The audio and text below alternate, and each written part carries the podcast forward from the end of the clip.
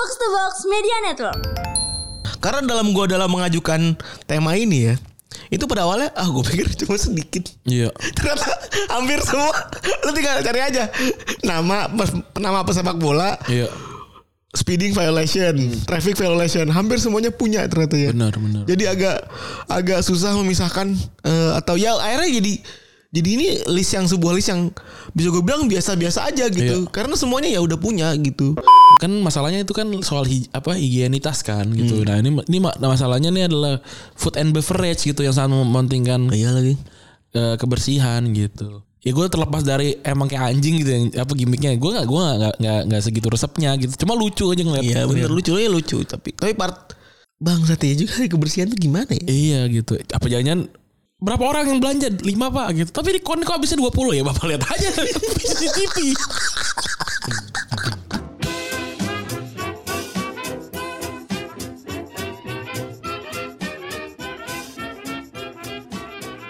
Podcast Retropus episode ke-530 masih bersama Double Pivot Andalan Anda gue Randi. Dan gue Febri. Oke, selamat hari Rabu teman-teman ya. Yoi.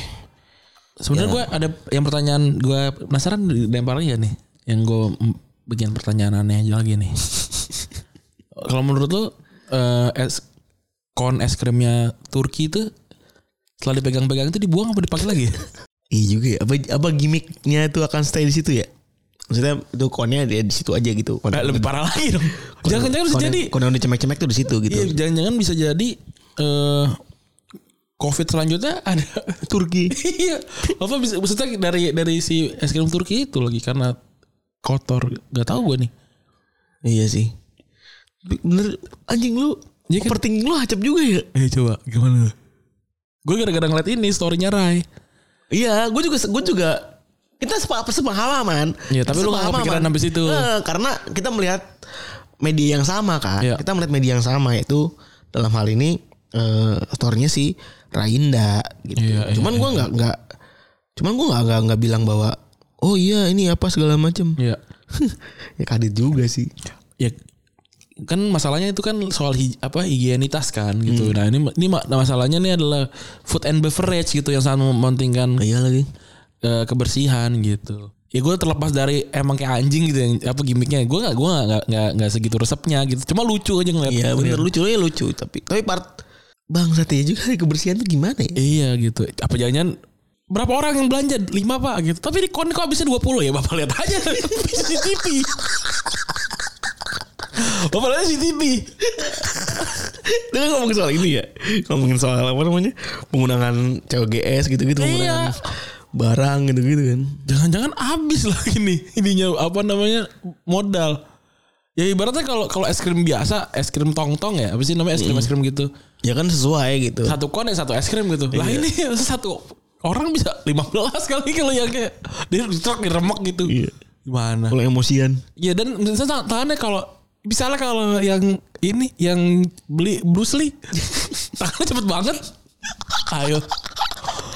Hot gitu. Tapi emang esensi eh, Awal dari ide ide ide pertama iya, apa ya? iya, itu penasaran gue Iya, iya. Kan Tukang es krim mana nih Di Iya, Turki iya. Awal nih. Iya Yang ngerjain orang nih Bener, Anjing bener. Si anjing nih yang mana Kalau gue masalahnya trainingnya gimana tuh ya?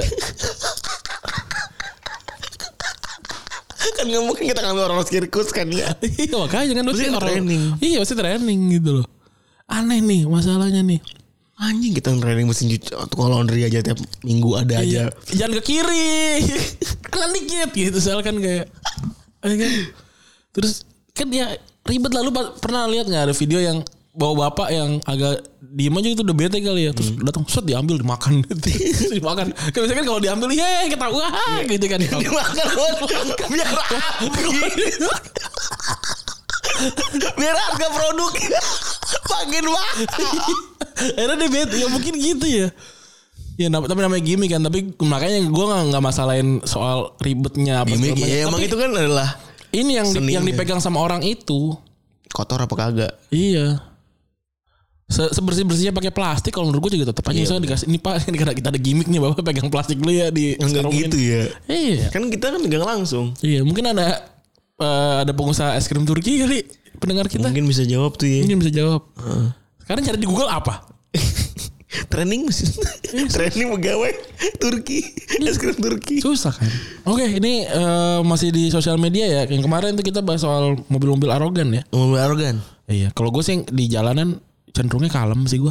Yang disari ternyata adalah soal kekayaan. Hmm. Karena dalam gua dalam mengajukan tema ini ya, itu pada awalnya ah gue pikir cuma sedikit. Iya. Ternyata hampir semua. Lu tinggal cari aja nama nama pesepak bola, Iya. speeding violation, traffic violation, hampir semuanya punya ternyata ya. Benar, benar. Jadi agak agak susah memisahkan eh, atau ya akhirnya jadi jadi ini list yang sebuah list yang bisa gue bilang biasa-biasa aja gitu. Iya. Karena semuanya ya udah punya gitu.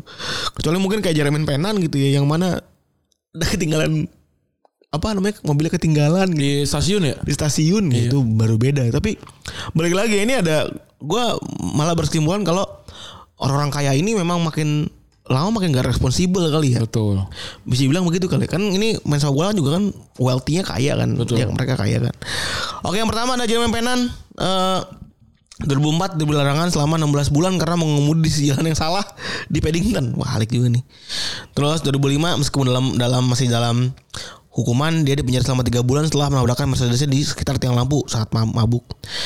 Dan Penan kemudian mencapai menjadi pemain pertama dalam sejarah Liga Inggris yang memainkan permainan sepak bola dengan tag elektronik di pergelangan kaki anjing. Iya. dan lalu dapat denda, parkir yang lumayan pada tahun 2011 pada saat main buat Zaragoza. Dia lupa kalau dia parkir mobil Porsche di ta- stasiun kereta api selama hampir setengah tahun.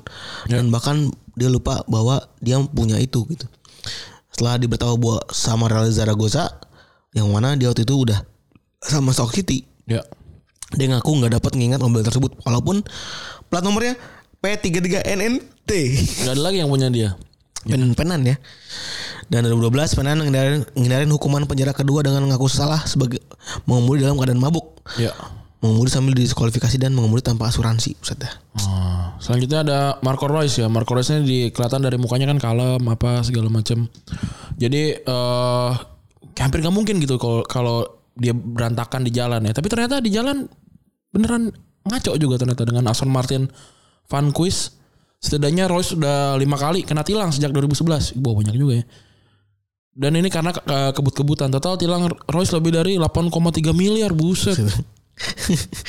Dan selanjutnya ada Carlos Tevez yang dihukum karena nggak ngerti kata tilang ya. Gagal soal sepele Tevez nggak boleh memakai mobil selama 6 bulan. Dan waktu itu penyerang City yang dulu ini nggak bisa memahami kata-kata konstabulari dalam surat resmi yang dikirimkan polisi. Akibat nggak ngerti kata konstabulari yang berarti petugas kepolisian, sekarang Genten itu dilarang mengemudi selama 6 bulan dan denda sekitar 23,74 juta. Tevez yang gak hadir dalam persidangan itu mengaku bersalah terhadap dua pelanggaran yaitu nggak mau ngasih informasi terkait insiden yang melibatkan mobilnya dan pada pelanggaran itu Tevez dianggap telah melanggar batas kecepatan. Dalam pengadilan, pihak kepolisian mengatakan bahwa Tevez telah menerima surat panggilan tapi tak menanggapinya karena ia tak mengerti apa kata konstabulari. Oke. Selanjutnya ada Balotelli yang juga emang eh, random aja di dalam dan luar lapangan ya. Pernah bikin 18 pelanggaran lalu lintas dalam 2 tahun antara 2012 sampai 2013. Seringnya karena ngebut di atas 200 km per jam. Selain karena lalu lintas juga pernah nabrak pagar tetangga eh, di saat tahun baru ya. Tercatat Balotelli udah, udah punya hukuman kurang lebih tiga tahun kalau diakumulasikan dan nggak dan untuk berkendara di jalan umum gila juga ya. Hmm. Terus Yaya Tore main raksasa ini telah diberikan denda mengemudi sebesar yang pernah ada yaitu 54 ribu pound sterling. Berapa miliar nih anjing? Untuk mengemudi dalam keadaan mabuk pada tahun 2016. Muslim yang taat itu mengaku tidak minum dan tidak sengaja mengonsumsi alkohol gimana sih? Dicekal dan nggak boleh berkendara di jalanan selama 18 bulan. Setahun sebelumnya sirene berbunyi dan menghentikannya dengan Porsche 911 miliknya karena melakukan eh, kecepatan 101 mph di M6 dekat layanan Kiel. Oke, selanjutnya ada Karim Benzema ya. Eh, dia punya banyak koleksi mobil ya. Hmm. Ada Bugatti dan juga Bugatti Veyron dan Ferrari 458 Spider.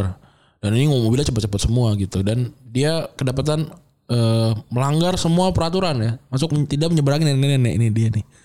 Termasuk mengemudi tanpa SIM dua kali ya. Tapi kecepatan eh, yang paling ngebutnya dia pernah 2013 pakai Audi 300 eh, 134 eh, mph atau 215 km per jam.